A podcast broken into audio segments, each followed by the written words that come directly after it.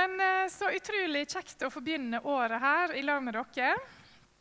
Det er en ære for ei gammel dame som meg å få lov å liksom skulle henge litt på lørdagene med. Eh, jeg har en sånn bitte liten angst inni meg for å på en måte ikke skjønne når det ikke er gøy for dere. hvis dere skjønner. For jeg syns jo det er veldig gøy. Men da får heller noen i liksom vennlighet eh, si det til meg. Kanskje ikke når andre hører det, men sånn, så skal jeg liksom trekke meg rolig ut. Yes. Da eh, skal jeg begynne på talen. Nå har vi akkurat feira jul, selv om den ble altså, eh, egentlig litt aggressivt skyfla ut fra dette rommet når vi kom. Men det, det er riktig, det, altså. Og så går vi inn i det som heter åpenbaringstida i kirkeåret. Og det er jo den tida der Jesus, det er tekster i kirkeåret der Jesus åpenbarer, begynner å åpenbare hvem han er. Og da, I den forbindelse så passer det veldig godt at det er blitt eh, liksom klekt ut en taleserie her som heter 'Jesu slektslinje'. Da-da! Og folk tenker sånn Ja, historie! og noen tenker What? Skal, hva skal vi gjøre med det? Men det er, dette blir kjempebra.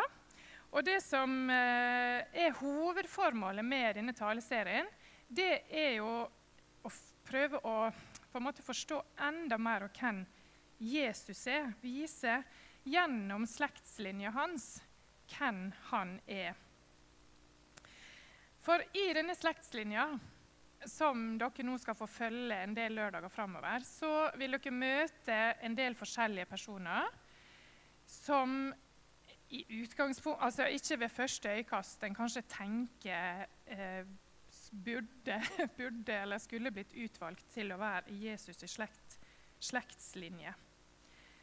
Her er det masse forskjellige menneskehistorier om oppturer og nedturer og folk som går trakker liksom skikkelig uti det.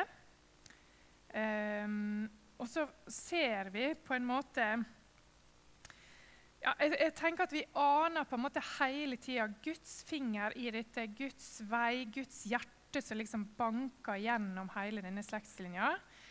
Og, og hele tida peker det framover mot at det skal bli født en frelser. Så vi ser egentlig evangeliet fordi at alle disse menneskene som er med i denne slektslinja, de var jo avhengige av Guds frelse. Det var ikke, det var ikke noen som var unntatt eh, fra det at de trengte tilgivelse for syndene sine. Det er masse levd liv, eh, og det viser oss gjennom disse menneskefortellingene så viser det oss det at Gud er en Gud som ønsker nettopp det å reise opp igjen, tilgi synd, gi et nytt liv og en, en ny sjanse. Sånn er Gud. Og når jeg satt og, og jobba med dette, så komme på igjen da, eller Det er ikke så vanskelig for meg å komme på dette sitatet, for jeg liker det veldig godt, så jeg, jeg bruker det jo sikkert opp. da, men, men, det er en jødisk teolog som svarte på eh, noe som eh, eh Augustin sa. Og alle på fjellet bare Ja, Augustin. sant? Skjønner Sant?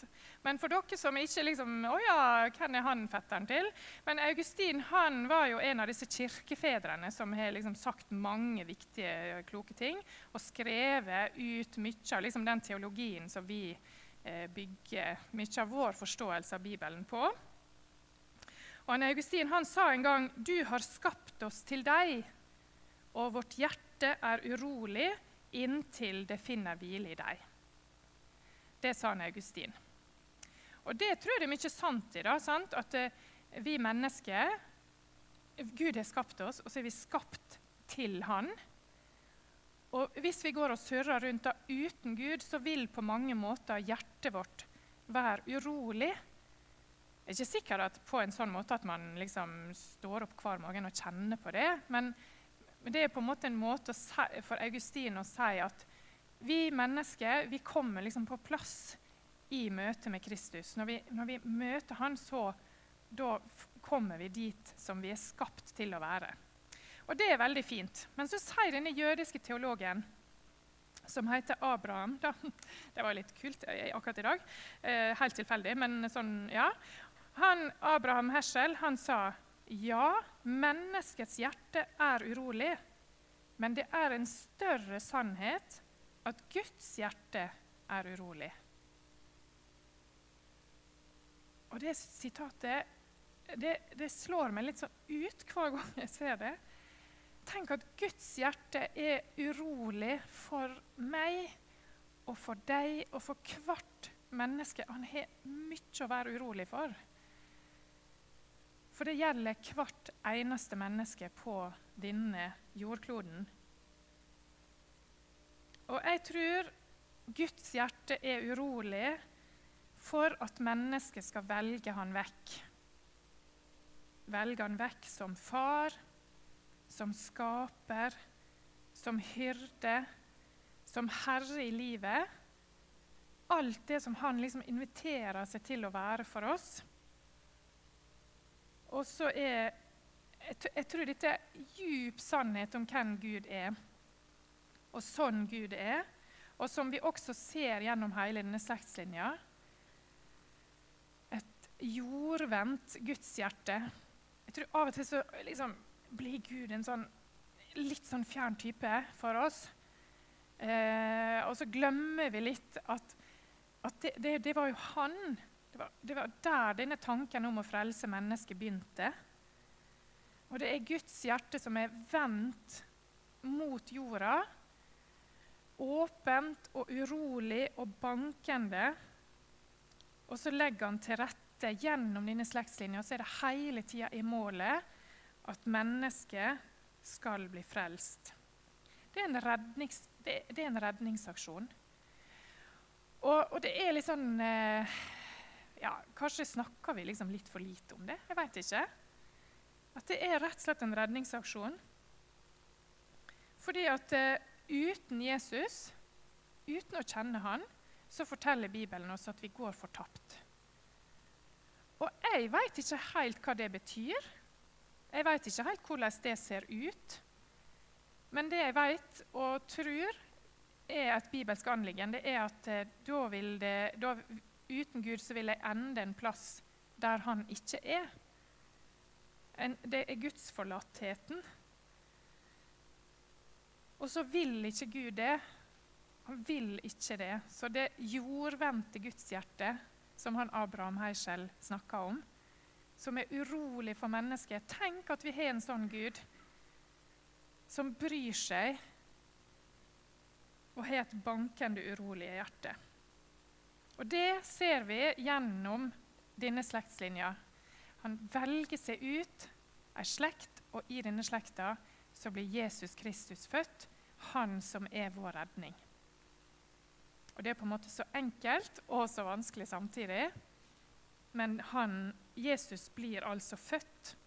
Det går en sånn helt eh, ubrutt linje fra Abraham, som vi skal treffe i dag, og til Jesus blir født.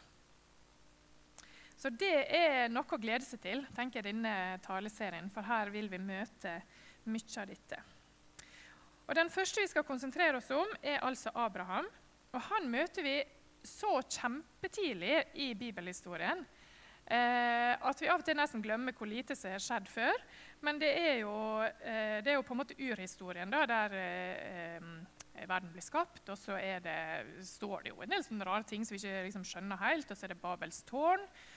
Og så kommer det en sånn lang slektslinje. eller sånn slekts, eh, Han fikk den, og han fikk den, og han fikk den, og han fikk den. Og, sånn. og så eh, møter vi da i skal vi se nå da, i Første Mosbok 11. Nå har ikke vi tatt opp den. Eh, men da møter vi plutselig en som heter Tara. Og han er pappaen til Abraham. Altså han, eh, han presterer å bli 205 år. Det syns jeg er, ja, det er godt gjort. Men i hvert fall, Antara han bor jo eh, langt unna. Det er liksom i Mesopotamia. Det er langt unna Kanaan. Og så eh, tar han med seg der i Ur i Kaldea står det, tar han med seg hele familien sin. Det står ikke hvorfor de bryter opp, men han har veldig sånn utfartstrang, da, kanskje. jeg vet ikke, Eller om det var grunner til å fare. Men så står det egentlig at de skal til Kanaan.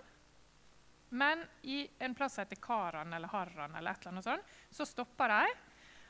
Og da, Kanskje ikke han orka lenger, han begynte å bli gammel. han Tara. Eh, og så blir de der til han dør. Og så dør han, og da er det da Abraham som er liksom overhodet i denne familien. Og da er det at Gud kommer på banen. Og Da skal vi lese sammen fra 1. Mosebok 12. Eh, på klingende nynorsk blir det i dag. Det er det bare å venne seg til. Herren sa til Abraham ja, Her er jo en sånn greie med at han bytta navn på et eller annet tidspunkt fra Abraham til Abraham. Men jeg tenker vi, vi bruker ikke liksom masse energi på det. Og Samme med Sara, som heter først Sarai, og så heter hun Sara om en stund. Men for å liksom gjøre det litt enkelt Det er som, det er jo ikke to veldig forskjellige navn, så vi skjønner hvem det er. Herren sa til Abraham, dra bort fra landet ditt og fra slekta di og fra farshuset ditt til det landet som jeg vil syne deg. Jeg vil gjøre deg til et stort folk. Jeg vil velsigne deg og gjøre navnet ditt stort. Du skal bli til velsigning. Jeg vil velsigne deg som velsigner deg, men den som forbanner deg, skal jeg forbanne. Og i deg skal alle slekter på jorda velsignes. Litt sånn, på en måte litt, litt lite pompøst. litt er sånn enkelt rett fram. Du er utvalgt, Abraham. Du skal reise vekk, så skal jeg gjøre navnet ditt stort. Men dette er kjempeviktig for oss kristne, det som skjer her. Eh, og, og, kjempeviktige vers i hvordan Gamletestamentet og Nytestamentet henger sammen. Fordi at det, akkurat som jeg prøvde å si i innledninga, så begynner det på en måte her. da. Denne her redningsaksjonen. I denne slekta, som han Abraham da blir lovt, så skal alle velsignes i denne her, eh, ene slekta her. Og han Abraham er 75 år. Jeg tenker kanskje at 75-åringene på denne tida var nok litt sprekere. For de, de, levde jo på en måte lenger, da. men han var jo likevel en godt voksen mann. Eh, og han tar med seg kona si, Sarai, da, og eh, onkelungen sin, han Lot, som, eh, som er, er sønnen til broren til Abraham, og budskap og litt tjenere og sånn. Og så tar han med seg dem, og så gjør han sånn som Gud har sagt. Og så reiser han. Og det er jo litt sånn artig ting med Bibelen. for det er sånn, eh, det blir sagt noe, og så bare skjer det. Du får liksom ikke noe sånn Ja, så lurte han veldig på hva han skulle ta med seg, og han strevde litt med pakkinga, og Sara var litt seint ute og sånn. sant? Du får ikke med noen sånne detaljer. Det er bare sånn Ja, da gjorde jeg det. Men jeg tror liksom av og til tenke at inni dette her så er det jo, det er jo liksom mennesker sånn som oss eh, som gjorde dette. Så sånn Abraham må jo ha blitt sånn superoverbevist. Han må ha fått dette på en sånn måte at han, han kunne liksom ikke eh, gjøre noe annet. Og så eh, drar han av gårde, og så kommer de til, til Kanan. Han kommer til dette landet. Og så er det litt surr. Altså det, det, det, er verdt å lese disse kapitlene her også. Det vil jeg bare si. Bare begynn i første Mosebok 12, og så leser dere dere utover. Um, for der skjer jo en del rare ting som Sånn så for eksempel, Rett etter de kom til Kanan, så av en eller annen grunn så drar de til Egypt. Og Når de kommer dit, så syns egypterne at Sara er så utrolig pen. Det var hun sikkert. Og Så tør ikke han Abraham å si at han er gift med henne. Og Så tar han fara og Sara til, til slottet sitt og, og gjør henne til sin kone. Sant? Jeg tenker liksom Abraham, her burde du kanskje gjort noe. Ja. Og så er det jo han farao sjøl som skjønner liksom, For han får sikkert vite med noen. da, Og han farao blir jo kjempesint. Han vil ikke være gift med noen som er gift med noen fra før. Det skjønner jeg jo. Det jo dette her var sikkert superulovlig da som nå. sant? Og, og Han blir jo kjempesinna. Men det som er skjedd i mellomtida, her, da, det er jo at mens han Farao tror at han er gift med søstera til han Abraham. Så får han Abraham liksom masse dyr, og det står eselhopp og kameler og alt mulig greier. da, Og tjener og alt mulig får han Abraham av farao fordi han så, liker så godt hos Sara. Jeg vet ikke, altså. Jeg, jeg, klarer ikke å få noe sånn veldig djupt åndelig ut av dette. her, det må jeg bare si. Er det, er det lov å si? Ja, jeg sa det. Men, eh, så kan jo dere andre tenke det. Men det jo, hvis noen finner noe, da, så må dere gjerne komme med det. Men i hvert fall så, så skjer jo heldigvis da, så blir det oppklart denne her litt leie misforståelsen. Og Sara hun skulle jo litt, ja, fått litt støtte, tenker jeg. da. Men hun blir jo da tatt tilbake igjen til Abraham, og så, eh, og så reiser de av gårde igjen. Eh, tenker var liksom et greit trekk da, å reise fra Egypt igjen, og så reiser de til, til Kanan. Så det skjer en del sånne, sånne, rare ting. Og igjen da så tenker jeg, Dette var ikke noe fint trekk av han Abraham, at han ikke liksom sto opp for kona si og sa «Hei, du kan ikke ta henne. Liksom. Det, det syns jo jeg er litt sånn ja, kanskje ikke det beste trekket akkurat det. da. Men han, kommer seg etter hvert, altså. Det, det, er mye fint. Um, og så uh, ja, så skjer det litt når de kommer til Kanan med, for da blir det sånn diskusjon mellom han og han Lotta, som han er onkel til, om hva slags land de skal ha. og sånn. Og De blir ikke helt enige, men så sier han Abraham ja, men ok da, Lot, du kan få velge først. Og så velger han Lot litt sånn nordlige deler. Eh, og Det er der Sodoma og Gomorra er. Fortsatt så består de byene. Og han Lot han velger det. Og det blir jo hans skjebne på mange måter. At han velger det. Og så skal han Abraham være, liksom, vende seg litt lenger sånn sørover i dette landområdet.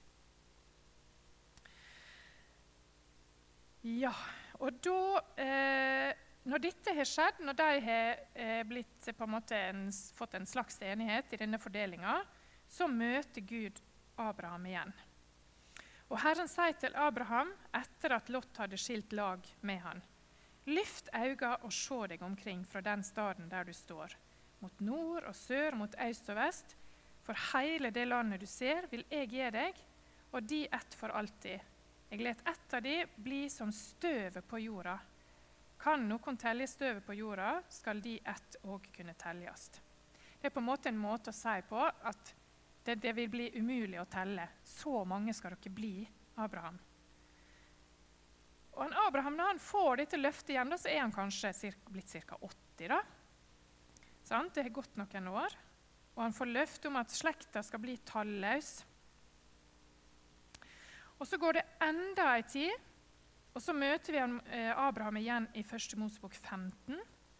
Og Da står det etter at dette hadde hendt, kom Herrens ord til Abraham i et syn. Vær ikke redd, Abraham. Jeg er ditt skjold. Lønna di skal bli stor.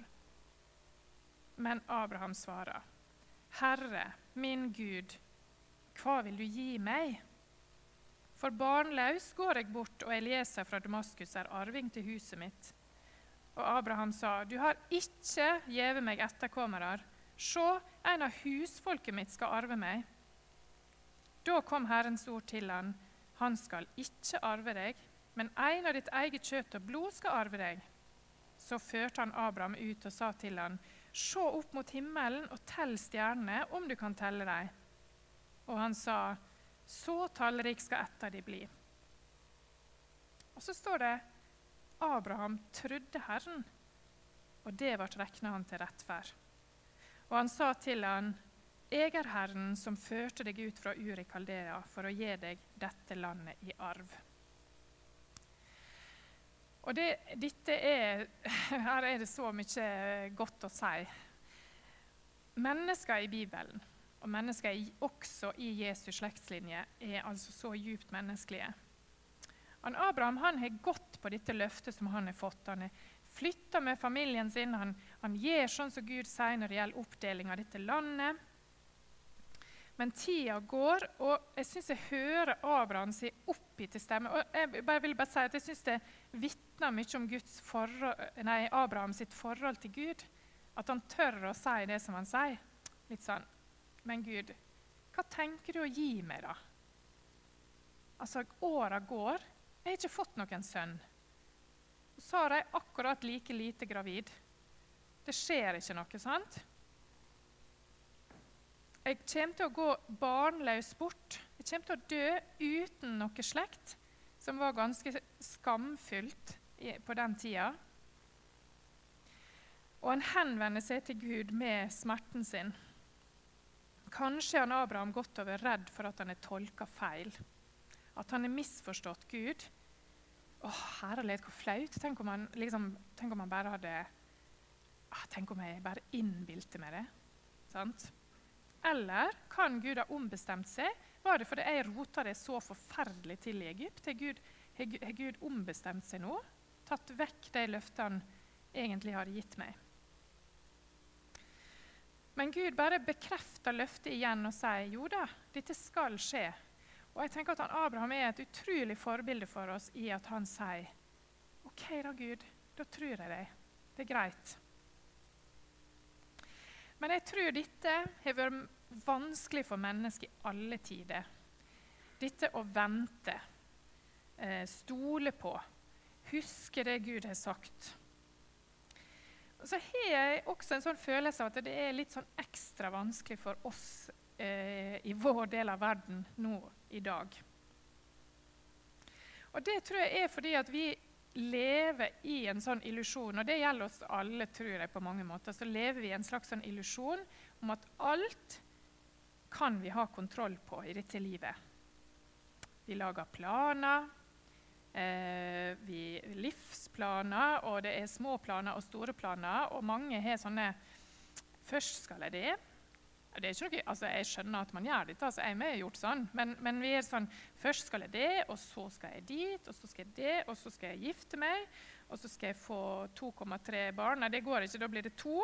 Eh, men Det virker som stress med tre, men det skal være 2,8 år cirka, mellom dem. For det har sett på TikTok at det er kjempe, det, da blir de så gode venner, disse ungene. Eh, og så planlegger vi. Og, og, jeg tror at vi også faktisk tror at vi kan ha denne kontrollen. Og vi skal jo i hvert fall ikke bli syke, og det skjønner jeg jo at ingen planlegger for. Men det er et eller annet med at det er ikke sånn. da. Det er en sånn illusjon som vi lever i. For faktum er jo at livet fungerer ikke sånn. Egentlig folkens, så vet vi veldig lite. Og Bibelen sier la morgendagens eh, liksom, utfordringer være. Det er dagen i dag vi har, det er dagen i dag vi vet. Gud er i morgendagen. Det kan vi vite. Det kan vi stole på. Han vil alltid være der. Han er der allerede. Det er liksom godt, syns jeg. da. Gud er allerede. Han er her nå, men han er også allerede i morgendagen. Så han er der når jeg skal møte den dagen. Så er Gud der. Så denne illusjonen om at vi tror at vi kan kontrollere alt, den tror jeg gjør oss litt sånn sårbare for sånne slag i livet der det ikke ble sånn vi hadde tenkt. Der livet vårt blir ramma av noe som var helt krise i forhold til den planen vi hadde lagt da mister vi veldig fort fotfestet. Og det er veldig forståelig. Det er ikke noe kritikk i dette. her. Dette her rammer meg sjøl også veldig. Men da mister vi så fort fotfestet, og så blir det sånn ja men, ja, men Gud, hallo! Hadde ikke jeg og du liksom en plan? Og så, Hvis jeg tenker meg om, så tenker jeg ja, ja, det var kanskje mest min, da. Men, men det, vi får en sånn vanskelighet i forhold til både oss sjøl og Gud når vi møter når, når livet rammer oss på en måte som vi ikke hadde tenkt. Så jeg har lyst til å bare eh, oppmuntre oss til å Dere må gjerne planlegge. altså Jeg er ikke sånn for å bare Har ikke en tanke om livet, folkens. Jeg bare tar det som det kommer. sant? Jeg syns det er fint å legge noen gode planer. Men kanskje når det snører seg til, da, så snakk, henvend deg iallfall mot Gud. Henvend deg til Han, sånn som Abraham gjør her. Ja, men Gud, hva mener du med dette, da? Sant? 'Hvorfor svarer ikke du meg på dette jeg ber deg om?' Det svarer ikke Gud han Abraham på. Gud gir ikke han Abraham helt sånn svar på det spørsmålet. Ja, men hvorfor svar, Gi meg det nå, da. Hvorfor svarer ikke du? Men, han, men Gud sier, 'Det kommer'. Og så peker han på det løftet han er gitt. Og så tror jeg at Guds hjerte bare lengter etter vår At vi skal få øse ut lengsel, smerte, det vi håper på, knuste drømmer. Alt dette gir det til Gud. Selv om ikke vi skjønner alt. Selv om to pluss to ble på ingen måte fire, så henvender jeg likevel til Gud. Abraham han fikk dette løftet når han 75, var 75 år. Så blir han 80, så blir han 85, nærmer seg 90. Det skjer fortsatt ingenting. Og han, som akkurat et, vært et veldig godt forbilde for oss i at han tror Gud på det løftet, han tar nå saken i egne hender. Og Det er egentlig Sara sitt eh, forslag. Hun sier at nei, vet du hva, blir, her blir ikke det noen unger. skjer ingenting her. Så eh, nå ordner vi dette på den måten at du Abraham, du gifter deg med Hagar, som er min tjenestekvinne, sier hun Sara.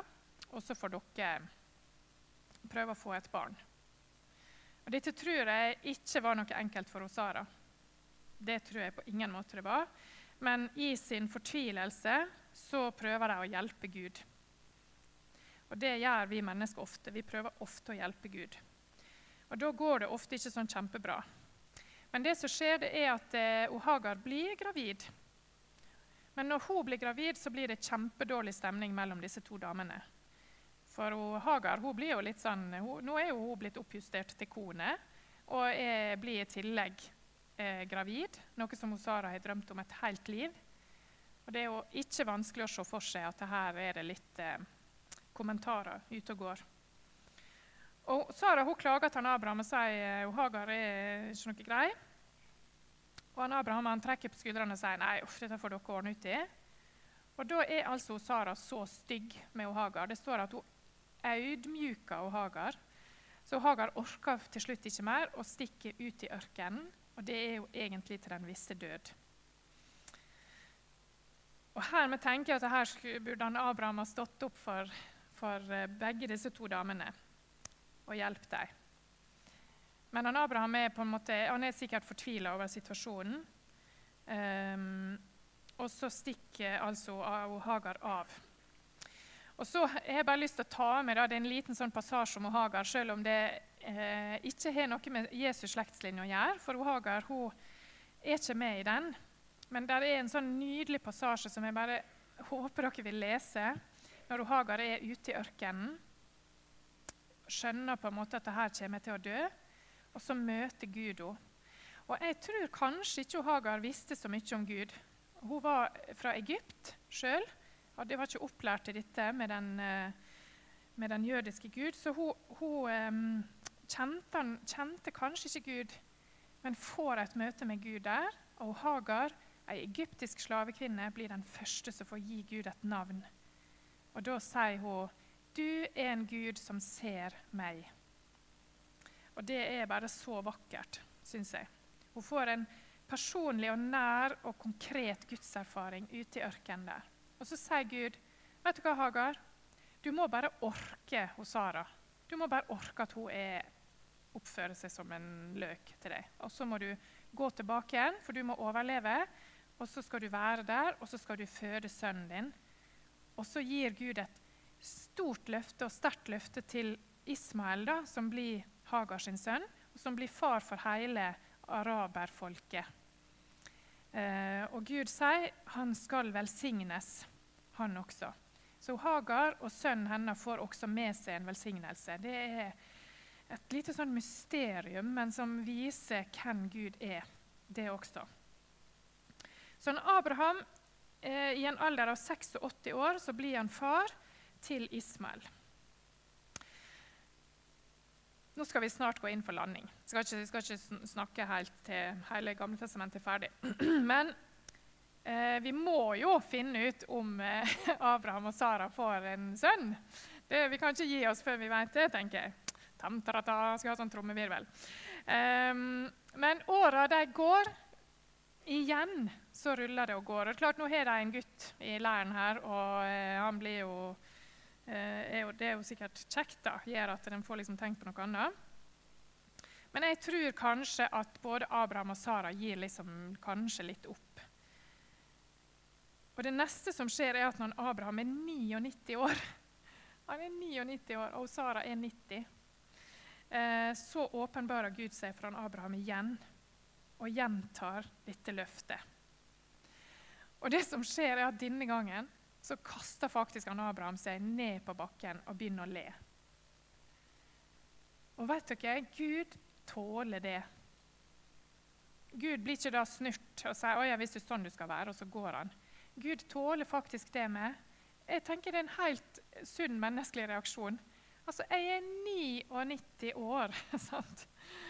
Og Det står i 1. Mosebok 17, 17.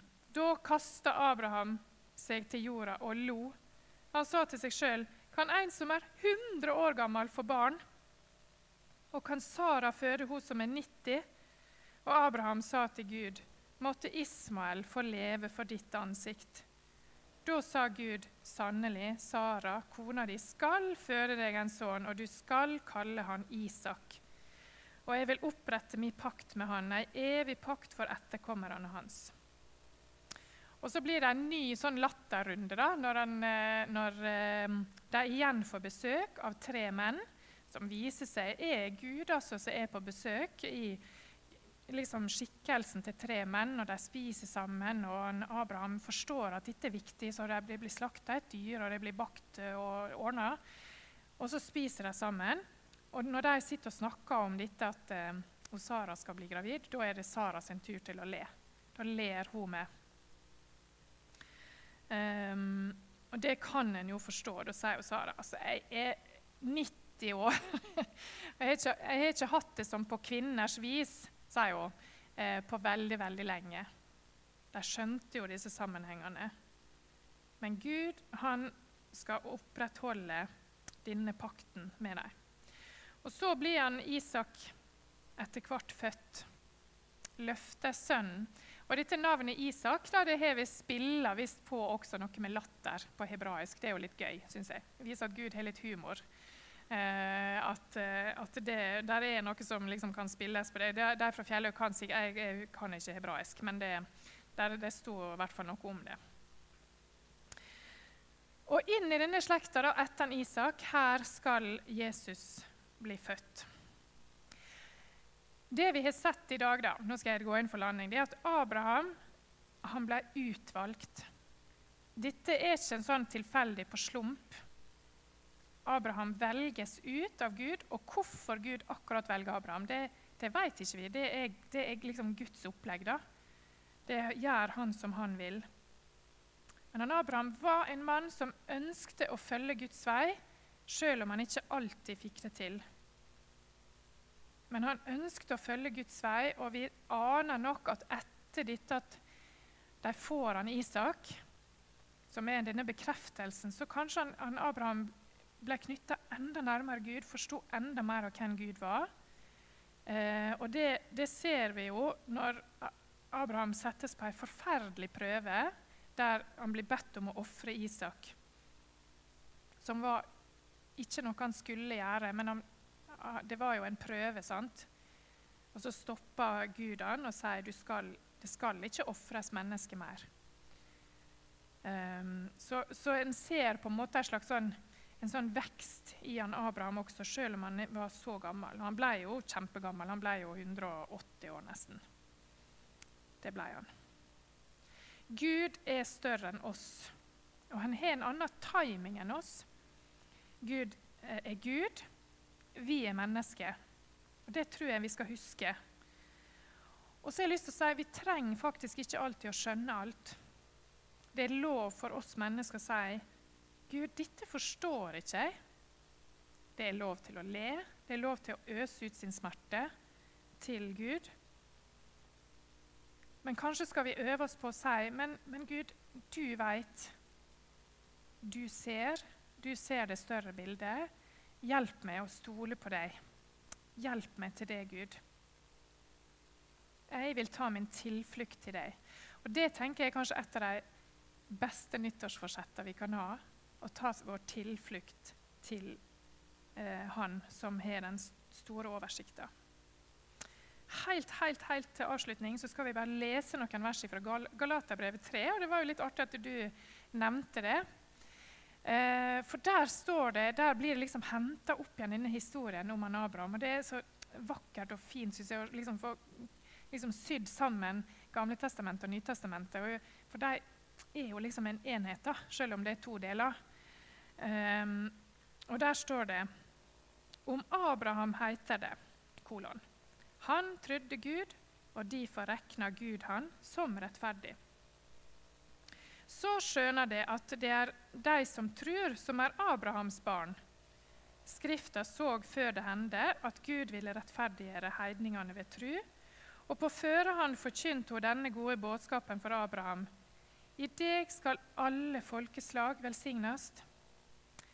Derfor blir de som tror, velsigna sammen med den truende Abraham. Sant? Vi er liksom én gjeng. Vi er i samme gjengen som han Abraham. Det er jo helt fantastisk. Men de som holder seg til lovgjerninga, er under forbanning, for det står skrevet 'Forbanna er hver den som ikke holder fast på alt det som står skrevet i lovboka, og gjør etter det'. Det er klart at ingen blir rettferdig for Gud ved lova, for det står skrevet 'Den rettferdige skal leve ved tru'. Lova spør ikke etter tru, men sier 'Den som lever, lever etter båa, skal ha livet deg'. Men Kristus kjøpte oss fri fra forbanninga under lova, da han kom under forbanning for vår skyld for det står skrevet 'Forbanna er hver den som henger på et tre'. Slik skulle Abrahams velsigning komme til folkeslaga i Kristus Jesus, så vi ved trua skal få anden som var lova. Vil bare be ei kort bønn. Takk, Jesus, for at du kom, og takk, Gud, for at du velger ut mennesket og ordner ut og du ordna ei slektslinje fram mot at Jesus skulle bli født, slik at vi kunne bli redda. Og så blir vi liksom med i denne familien og i denne store slekta. Og jeg takker deg, Jesus, for at vi får ta del i det. Og så ber jeg om at eh, du må hjelpe oss til å vente på deg når vi blir utfordra på det, når vi ikke ser deg, når vi ikke skjønner. Hjelp oss til å venne oss til deg i tru. Amen.